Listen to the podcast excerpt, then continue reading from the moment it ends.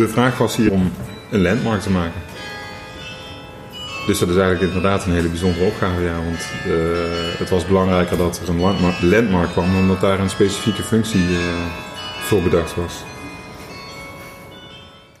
Er is gewoon letterlijk gezegd, wij willen uh, appearance of verschijning hebben op de horizon. Want alle andere dorpen die hebben een kerktoren en die kun je van veraf al, af al zien. En ons dorpje nog niet. En dat vinden we jammer.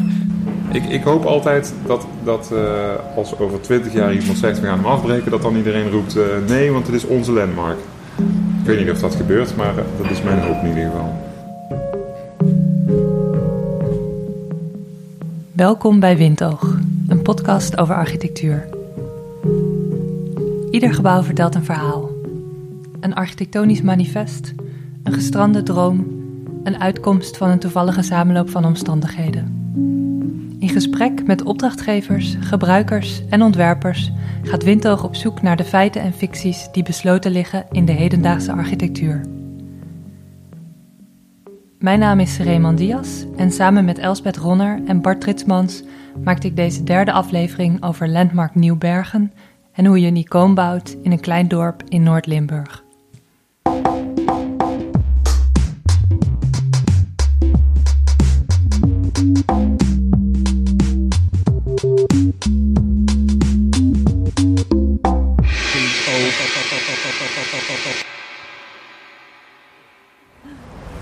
Goedemiddag mevrouw. Zouden wij u heel kort eventjes iets mogen vragen? Bent u van de streek van Nieuwbergen? Ja. Ja? ja. En wat vindt u van de toren van Nieuwbergen? Niet zo. Niet zo? Nee. Nee? Nee, vertel. Waarom, waarom vindt u niet zo goed? Ik vind het een lelijke toren. Hallo. Goedemiddag meneer en mevrouw. Zouden wij jullie iets mogen vragen? Ja. Ja. Zijn jullie van Nieuwbergen of van de omgeving? Van Affelen, van de omgeving, ja. En u komt hier regelmatig? Ja. ja. ja, Wat vindt u van de toren van Nieuwbergen? ja, het slaat nergens op. Nee. Nee? Nee. nee. En, en waarom uh, vindt u dat het nergens nou, op staat? Uh, kijk, het zou een uitzichttoren moeten zijn. Nou, dan moeten ze hem ergens neerzetten waar iets te zien is. Uh, ze hebben hier een schitterende natuur. Rondom, overal. En dan zetten ze hem ergens neer waar amper iets van de natuur te zien is. Nou, ik vind gewoon een messer. Mm -hmm. Ja, dat begrijp ik wel. Ja, ja. dat is duidelijk. Dus. Ja, dat is heel duidelijk. Ja. En wat vindt u van de toren zelf, hoe die eruit ziet? Ja, dat past. Ik vind het ook niet passen, bij, zeker bij deze gebouwen. -hmm. Ik heb zelf altijd in de bouw gezeten. Nou, ik, ik snap niet dat een architect op zo'n idee kan komen, want uh, ik vind het nergens op slaan. Het, het staat als een tang over varken, zouden ze hier zeggen. Dus, ja. Dankjewel. Deze reacties horen Elsbeth Ronner, Bart Tritsmans en ik als we gezamenlijk Nieuwbergen bezoeken om voor het eerst Landmark Nieuwbergen met eigen ogen te aanschouwen. We hebben het eerder op foto's gezien, want het is een veel gepubliceerd gebouw dat er een beetje uitziet als een grote blokkendoos. Het heeft een kubusvormige basis met daarbovenop twee volumes die uitgevoerd zijn in groene en rode baksteen. Eén daarvan is een hoge toren die vier de lucht insteekt. De omgeving van het gebouw kennen we niet zo goed. In de meeste foto's zie je daar maar specifieke uitsnede van. Ik zit hier met Bart en Elsbeth en we bespreken wat ons opviel bij ons bezoek aan de locatie. Bart, wat heb jij daarvan onthouden? Nieuwbergen is een dorp met een winkelcentrum als hart. Een nieuw winkelcentrum waarin de landmark Nieuwbergen het centrale punt is. Wij wilden vooral polsen hoe de bewoners tegenover deze nieuwe landmark stonden. We waren daar op een winderige, wisselvallige dag, dus er waren weinig mensen op straat. Maar toch wilden we heel graag van hen horen hoe zij nu de verandering in hun dorp hadden ervaren en of ze effectief de landmark als een nieuw centrum voor het dorp beschouwden. En al heel snel bleek dat de reacties niet bepaald positief waren. Een heel opvallende analyse die terugkwam bij de bewoners was dat ze vonden dat het gebouw leek op een moskee.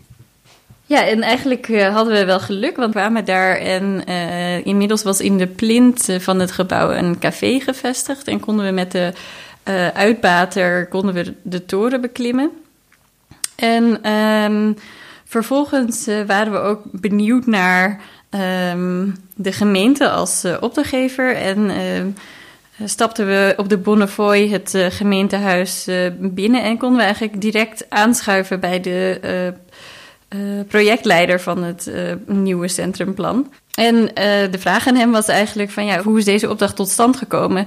Want het is toch natuurlijk, kan je zeggen, een ambitieus project voor, voor een dorp. Wat mij ook interesseert is hoe je aan zo'n opdracht werkt als architect. Waarbij er in eerste instantie helemaal geen duidelijke invulling is voor het gebouw. Dat is pas veel later gekomen toen het al geopend was. Maar waarbij het er meer om gaat een markering te creëren voor het dorp. Um, en eigenlijk ook een soort representatie van de bewoners uh, te maken. En de hamvraag die we die dag wilden stellen, wilden beantwoorden, was hoe het komt dat die bewoners toch zo negatief staan tegenover de landmark Nieuwbergen. Terwijl de architecten van Monadnock heel duidelijk de wensen van de bewoners en het idee van het vormen van een gemeenschap meenamen in hun ontwerp. En de gemeente Nieuwbergen er zelfs een nieuw centrum, een nieuwe huiskamer voor Nieuwbergen van wilde maken. In deze aflevering van Windhoog gaan we proberen om deze vragen te beantwoorden.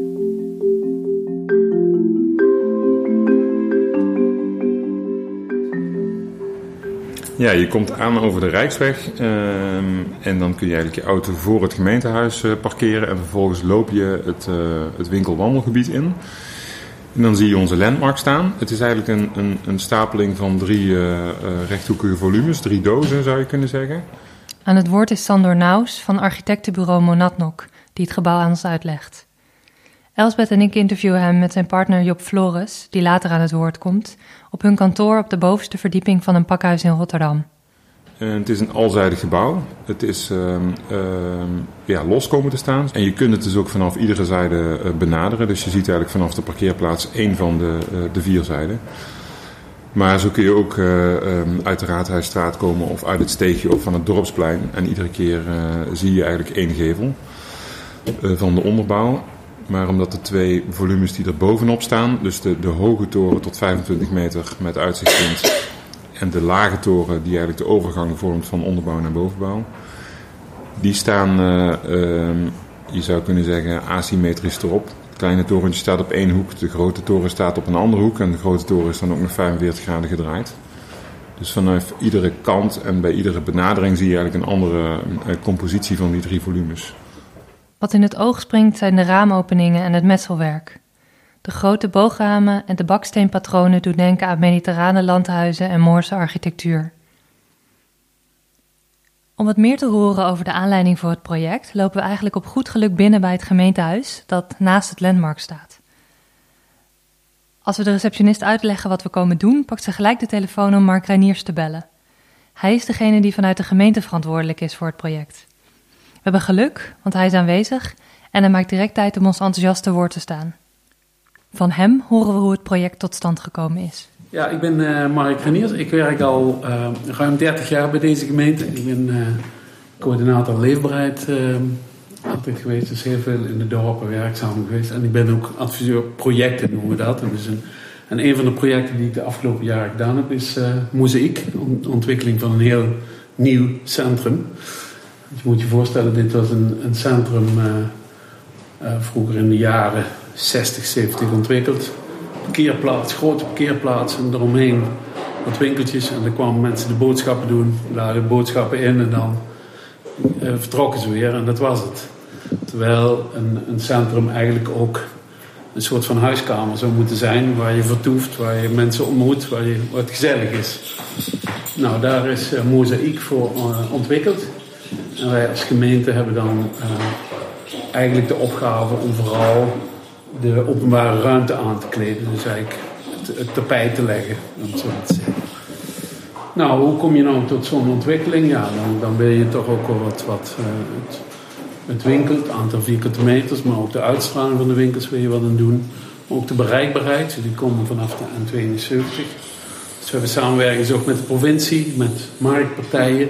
En als gemeente we hebben samen naar Mozaïek gekeken. En dan wil je eigenlijk ook een soort van landmark in het, in het midden van, in het hart van een winkelcentrum hebben. En zeker in het platteland, omdat je hier allemaal kleine kernen hebt en die hebben allemaal een kerktoren. Dus ja, dan zie je eh, een herkenbaar iets. Nou, hier in Nieuwbergen is dat niet, of dat was dat niet. En daardoor hebben we een prijsvraag uh, uitge, uh, uitgeroepen om ehm, architecten eh, de kans te geven om iets te ontwikkelen waardoor je een soort landmark gaat creëren die aantrekkingskracht heeft, die, die eh, een centrale positie in het winkelcentrum heeft. Het is een soort passerpunt waar omheen eigenlijk mozaïek zich beweegt. Nou, ik was bij die, bij die architecten. Die hebben uh, een stuk of acht architecten uit het hele land. Die hebben uh, een ontwerp ingestuurd. Uh, en daar, uiteindelijk is dit ontwerp daarvan gekomen om maar kort door de bocht te zijn. dat is een, een architectenbureau uit Rotterdam, Monadnock. Die hebben dit ontwikkeld. En ja, goed, ook deze vorm, deze aparte vorm. Het doet heel erg denken, maar dan ga ik op de stoel van de architect zitten. Ik weet niet of jullie wel eens in, in Toscane, in, in Italië zijn geweest. Uh, nou, als je daar naar... En die, die plek, ja, die, eh, de naam van die stad ben ik even kwijt. San Gimignano. Yes, je hebt het pakken. Ja, geen makkelijke naam te zeggen, dus het is altijd beter als anderen ja. dat doen. Maar daar zie je allemaal van die torens en daar, daar heeft die een relatie uh, mee. Dat was zijn idee van, ja, zo'n soort van toren... Uh, die zou zich ook moeten ontwikkelen. En dat metselwerk, want er zitten allemaal gaten in die toren, dat, dat komt daar vandaan. Het is een ambitieus project voor een tamelijk kleine gemeente. We vragen Mark Reiniers hoe er over het project beslist is en hoe bewoners zijn meegenomen in de totstandkoming van het landmark. De gemeente heeft uiteindelijk de, de, de knoop doorgehad, maar mm. hebben zich wel laten adviseren. Kijk, zo'n zo'n centrum is ontwikkeld met uh, nogal experts. Uh, expertmeetings hebben we gehouden met, met uh, ja, de ondernemers, de, mm. de bewoners, de dorpsraad. Dus die hebben allemaal meegedacht in de ontwikkeling van Mozaïek. En die hebben ook hun mening gegeven over, ja, over de inzendingen van alle architecten. En uiteindelijk uh, het, natuurlijk het, het college en, en, de raad voorgesteld van nou, laten we voor dit ontwerp gaan. Dus uh, we hebben in die jaren uh, heel veel informatiebijeenkomsten georganiseerd. En ja, Bergen is een beetje zo van, ah, het zijn wel een hele ambitieuze plan, het zal nooit wel iets worden. Maar ja, totdat uiteindelijk de tekeningen kwamen. Toen hebben we heel veel informatiebijeenkomsten en dat heeft uiteindelijk hier in dit centrum geleid tot één bezwaar waarin we uh, naar de rechter toe moesten. Dus dat zegt wel heel veel dat het uh, goed draagvlak kende, dit centrum. Tijdens ons bezoek merken we dat de bewoners verheugd zijn over het nieuwe centrum, maar wel hun bedenkingen hebben bij het landmark. We horen dat een aantal jaar geleden een van de praalwagens tijdens carnaval een persiflage was op het gebouw. Maar misschien heeft dat ook te maken met de lange leegstand. Inmiddels is er een lokale uitbater gevonden en wordt het opgenomen in het leven van het centrum van Nieuwbergen. Via dit nieuwe café is de toren toegankelijk. Ook wij beklimmen hem tijdens ons bezoek en spreken met de café-eigenaar over hoe de komst van de toren Nieuwbergen veranderd heeft. Je mag boven de toren? Of je mag boven? Uh, ja, als dat kan.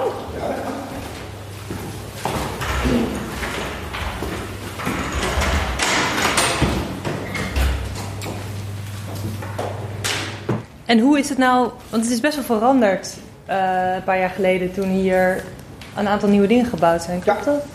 Nou, hier de, mo de mozaïek is helemaal veranderd, zeg maar uh, in de midden. Uh, boven zijn appartementen, allemaal huurappartementen en beneden zijn de, de winkels, zeg maar. Dus dat is eigenlijk allemaal vernieuwd. Vroeger was hier gewoon een heel groot plein, was hier. En de weg vanaf de, daar waren stoplichten vanaf de Oevonde. Dat is eigenlijk een grote kruising vanaf de hele grote Rijksweg. Dan rijd je hier het dorp in zeg maar daarin en, en daarin. En hier was eigenlijk een heel groot plein. Dus meer was er eigenlijk, was er eigenlijk niet. Dus nu waar de toren staat en het plein was een soort doorgaande weg? Ja, dat was een doorgaande weg vanaf de, sorry, vanaf de Rijksweg. Zeg maar uh, het dorp in, die kant op. En daar het dorp in. En hier was een heel groot plein en de winkels zeg maar, die zaten om het plein heen zo. Dus uh, dat was eigenlijk hoe het er uh, vroeger uitzag. Zullen we een stukje naar verder naar boven gaan? Dan ja. kun je het, kun je het uitzicht Ja, leuk.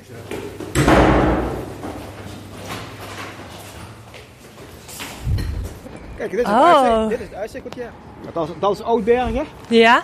Oh ja, daar zie je al de torens omhoog. De toren van Oudbergen. Daar ligt Aaien, zeg maar. Dat is ook een dorpje wat nog in Nieuwbergen hoort.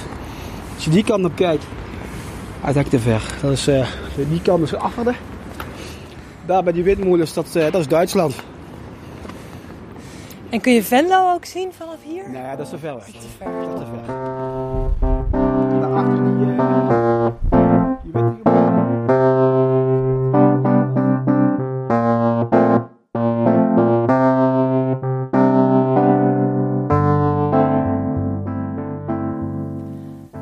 Mark Reiniers vertelde dat het landmark onder meer verwijst naar het Italiaanse dorpje San Gimignano.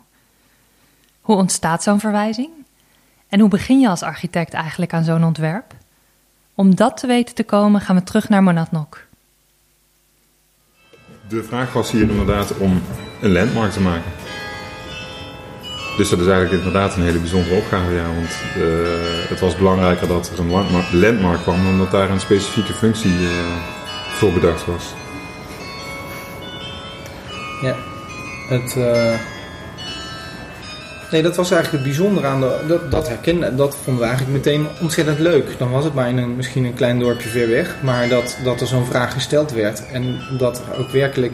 Er is gewoon letterlijk gezegd wij willen uh, appearance of verschijning hebben op de horizon. Want alle andere dorpen die hebben een kerktoren en die kun je van ver af al, uh, af al zien. En ons dorpje nog niet. En dat vinden we jammer.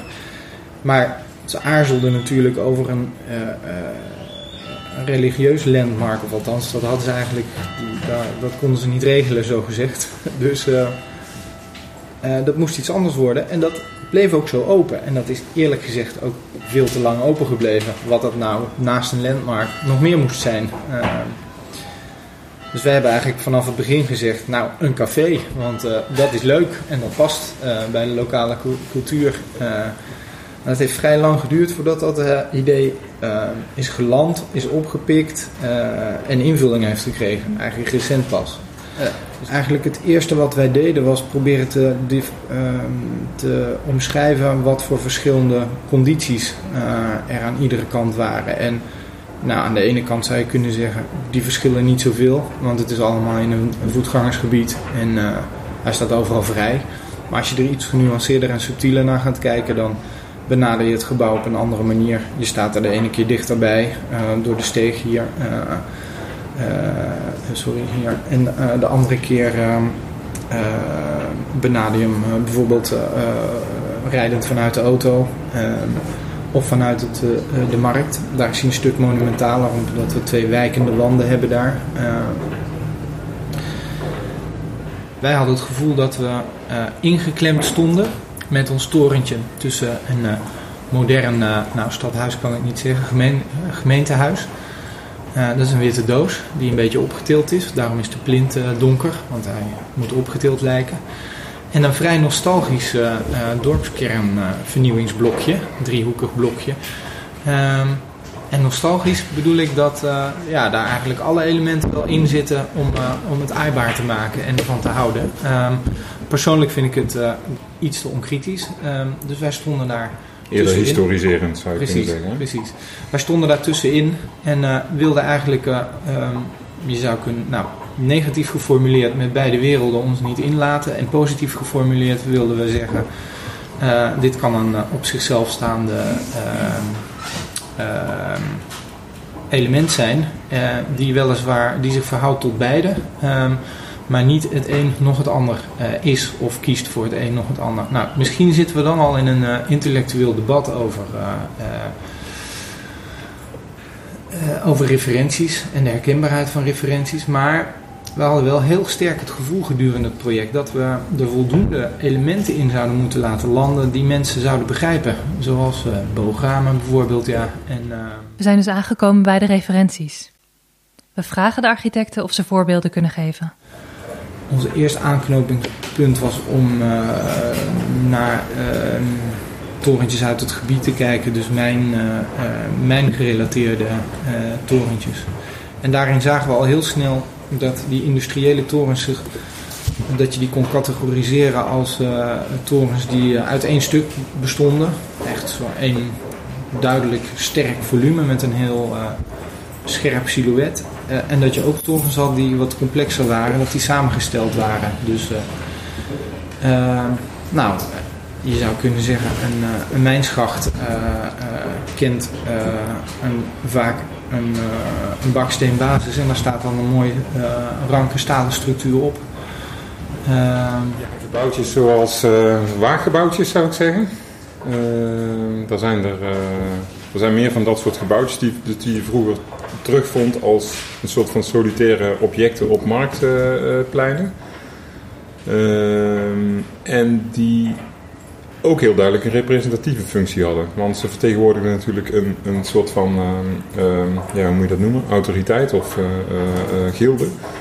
Zoals Monadnock voor het volume van het gebouw kijkt naar andere type gebouwen, zo zijn er ook referenties die wat betreft materiaal en detail inspireren. Bijvoorbeeld als je dan besloten hebt dat het in metselwerk wordt, ehm, dan uh, ga je kijken naar het metselverband. En dan ga je kijken uh, wat voor afmetingen van, van een, een git, dus balken en kolommen, je op de gevel wil plaatsen. En ja, dan wordt het heel genuanceerd. Dus hoe diep het git dan moet zijn. Uh, als het bijvoorbeeld, het is nu even uit mijn hoofd van een strek of een strek in een kop, het git. een strek. Een strek, hè? Ja, dacht Een strek is de lange kant van een baksteen, een kop de korte. Uh, en daarvoor, om daarachter te komen, bestudeer je dan ook voorbeelden. Uh, bijvoorbeeld, uh, wat ons geholpen heeft, is een gebouw in Milaan. een klooster van de architect Nuzio. Waarbij je ook ziet hoe hij een git de hoek om brengt met bakstenen, want het is nog niet zo eenvoudig. Ehm, toen zijn we ook gaan kijken naar patronen uit de omgeving. Uh, baksteenpatronen. Die zijn we toen gaan gebruiken. Uh, maar eigenlijk meer in algemene zin. Baksteenverfraaiingen is iets wat wel gewoon daar in die streek ook, ook voorkomt. Zoals dat in andere gebieden in Nederland voorkomt. Dat was de, de manier waarop we ze toepassen is misschien anders of, of uh, niet zo bekend.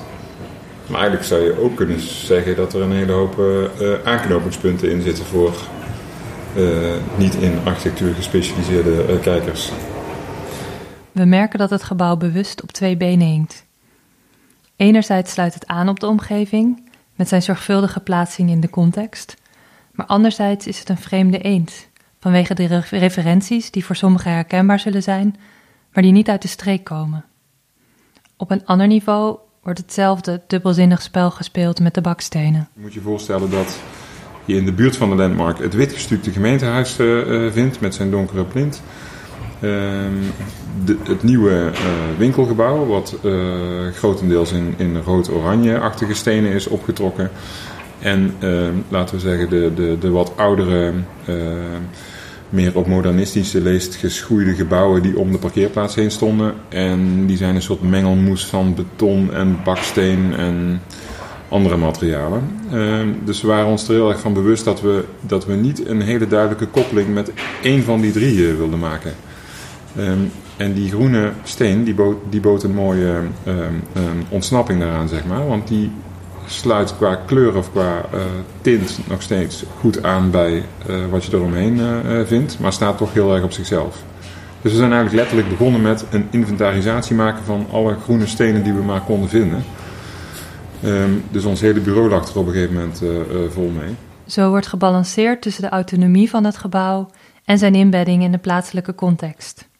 Datzelfde spel wordt gespeeld met de manier waarop het metselwerk is gemaakt. Het, het begint met de behoefte om die drie volumes, die drie dozen, ieder een ander uiterlijk te geven. Dus, dus enerzijds bij metselwerk te blijven, het is ook dezelfde steen, het is ook dezelfde kleur. Maar dan toch uh, verschillen aan te brengen. Dus hoe doe je dat? Je krijgt dan eigenlijk een soort van subtiele verschillen. En dan ga je zoeken naar mogelijkheden in metselwerk om die verschillen aan te brengen.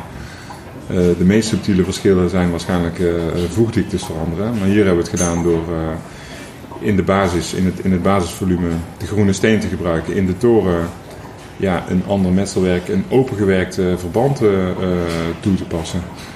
Dus er zitten letterlijk uh, gaten tussen de stenen. En in het kleine torentje hebben we de groene steen gemixt met een rode steen. En hebben we daar patronen in het metselwerk uh, gemaakt.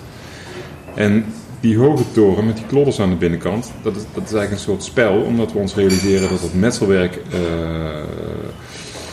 volume suggereert, een massa suggereert, een hoge toren. Ehm, maar dat is eigenlijk niet, want die, die metselwerk, die, die stenen die dragen niet. Er staat een staalconstructie in.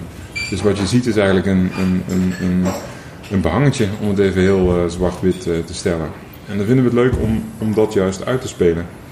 Um, en doordat als je die, die toren betreedt en je ziet die staalconstructie uh, en je ziet vervolgens ook de, de, de onafgewerkte kant van dat metselwerk, ja, dat benadrukt je heel erg wat het eigenlijk is, zeg maar. Dus het heeft een soort representatieve kant en aan de binnenkant zie je precies wat er gebeurt, namelijk een verzinkte staalconstructie die je ding overeind houdt en een, en een, uh, een behangetje wat er als het ware tegengeplakt is.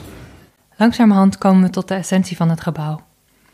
Door alle spelletjes die gespeeld worden, is het gebouw tegelijkertijd herkenbaar, maar ook vervreemdend. Zowel de inwoners van Nieuwbergen als collega's van de architecten zien het als een controversieel gebouw.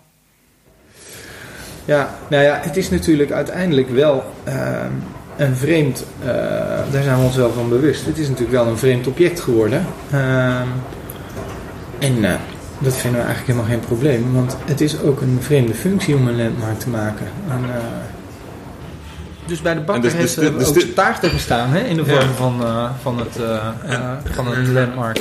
En de, mijn stille wens is dat dat ervoor zorgt dat, dat uiteindelijk de gemeenschap, de bewoners, het publiek dat gebouw in zijn hart sluit, zeg maar. En volgens mij uh, uh, heeft dat tijd nodig.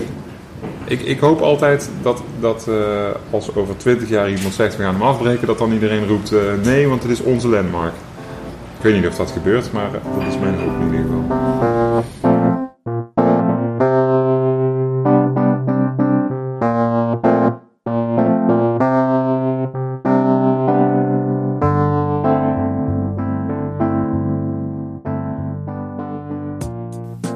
Bart en Elsbeth praat ik verder over het gebouw.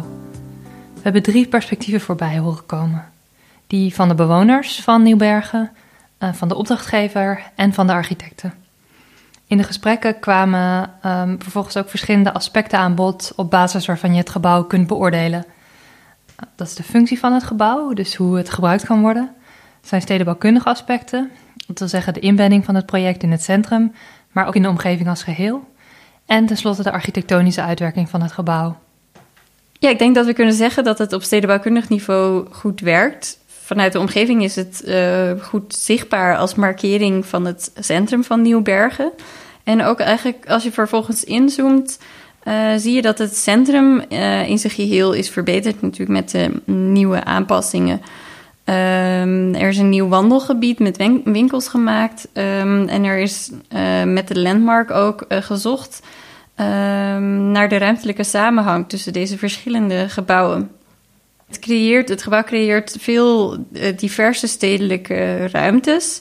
Dus zowel aan, eigenlijk aan de winkelplein als aan de as voor het gemeentehuis is het een beëindiging van het plein. En tegelijkertijd is, ook het, is het ook een afbakening uh, van het centrum uh, richting de parkeerplaats. Ja, en ik denk dat de gemeente Nieuwberg hier ook een compliment verdient. Uh, ze hebben een hele duidelijke opgave geformuleerd, namelijk het creëren van nieuwe publieke ruimte in het centrum en het maken van een markering voor het dorp. En hebben hierbij echt hun nek uitgestoken. Um, zowel door een heel nieuw centrum aan te leggen, als ook door een wedstrijd uit te schrijven en uiteindelijk een jong Rotterdams bureau te vragen om het landmark te bouwen. Ze hebben het aangedurfd om een bijzonder gebouw neer te zetten en hier ook in te investeren. Uh, en hebben zo ambitie getoond. Um, dat gebeurt niet zo vaak.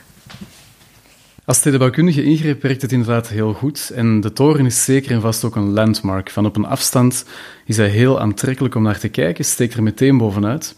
Dus een van de verklaringen waarom de bewoners de toren nog niet in hun hart hebben gesloten, is misschien omdat hij geen echte publieke functie vervult. De toren heeft geen programma en er ontbreekt misschien een relatie tussen de binnenkant en de buitenkant. Ook de toegang tot de toren, die het uitzicht op de omgeving biedt, is nogal verborgen in de sokkel van de toren. Ja, dat klopt. Het gebrek aan een functie bij de start van het project is direct voelbaar als je het gebouw betreedt. Je zou kunnen zeggen dat het gebouw een soort folly is. Is een gebouw dat vooral een decoratieve ingreep is. En daar is op zich niks mis mee. Uh, maar het gebouw heeft uiteindelijk natuurlijk wel een invulling gekregen. En het is merkbaar dat het interieur niet met zoveel zorg ontworpen is als het exterieur. Maar als het gebouw dan een ornament in zijn omgeving is, wat natuurlijk ook een mooi uitgangspunt is met een lange traditie in de architectuur, dan valt of staat het ook met de herkenbaarheid van het beeld. Ja, net met die herkenbaarheid van het object denk ik dat het in uh, Nieuwbergen enigszins misloopt. De toren lokt bij voorbijgangers in het dorp heel wat negatieve gevoelens op. En mensen reageren soms echt heftig op het gebouw, maar de rode draad was toch dat de landmark niet in Nieuwbergen zou passen. En zoals al gezegd is Nieuwbergen moeilijk een harmonische omgeving te noemen. En toch voelen mensen aan dat die toren niet in het geheel past. Hij wordt ervaren als een vreemdkörper, een object waar bewoners zich nog niet mee kunnen associëren. Toch koesterde de opdrachtgever en de architecten de hoop dat de toe-eigening snel zou volgen. Nu, een van de problemen, denk ik, is dat de referenties die het uh, bureau gebruikt niet meteen verwijzen naar de architectuur in de nabije omgeving. Dat maakt het voor bewoners moeilijker om zich ermee te identificeren.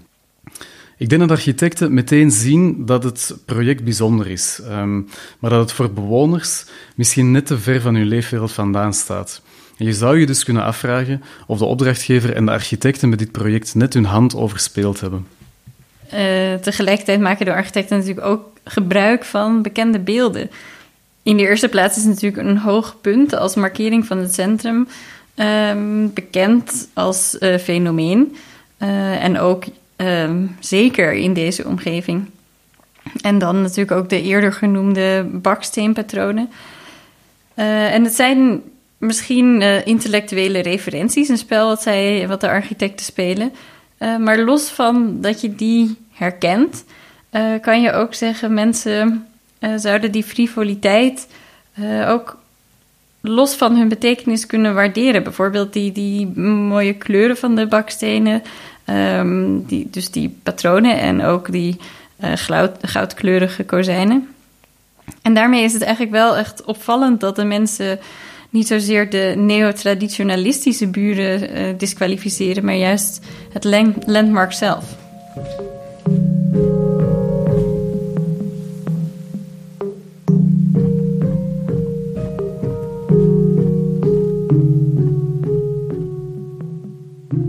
Landmark de Bergen heeft veel stof doen opwaaien in de architectuurwereld en op de plek waar het staat. Een icoontje dat diverse associaties oproept en waar het laatste woord nog niet over gesproken is. Wij kwamen heel diverse perspectieven tegen en aspecten waarop je het gebouw kunt beoordelen. Het architectonische beeld, zijn stedenbouwkundige inpassing en zijn functionaliteit en de manier waarop het gebouw toegeëigend kan worden door het dorp. De manier waarop je naar het gebouw kijkt, welke van deze aspecten je daarbij het belangrijkst vindt, zullen uiteindelijk ieders individuele oordeel over het gebouw bepalen.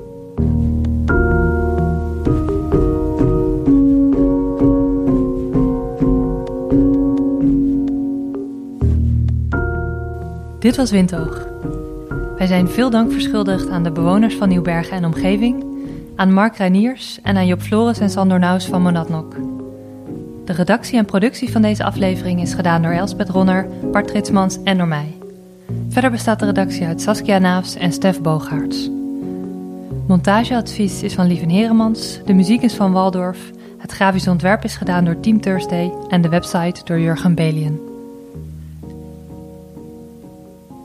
Windoog wordt mede mogelijk gemaakt door het Stimuleringsfonds voor Creatieve Industrie.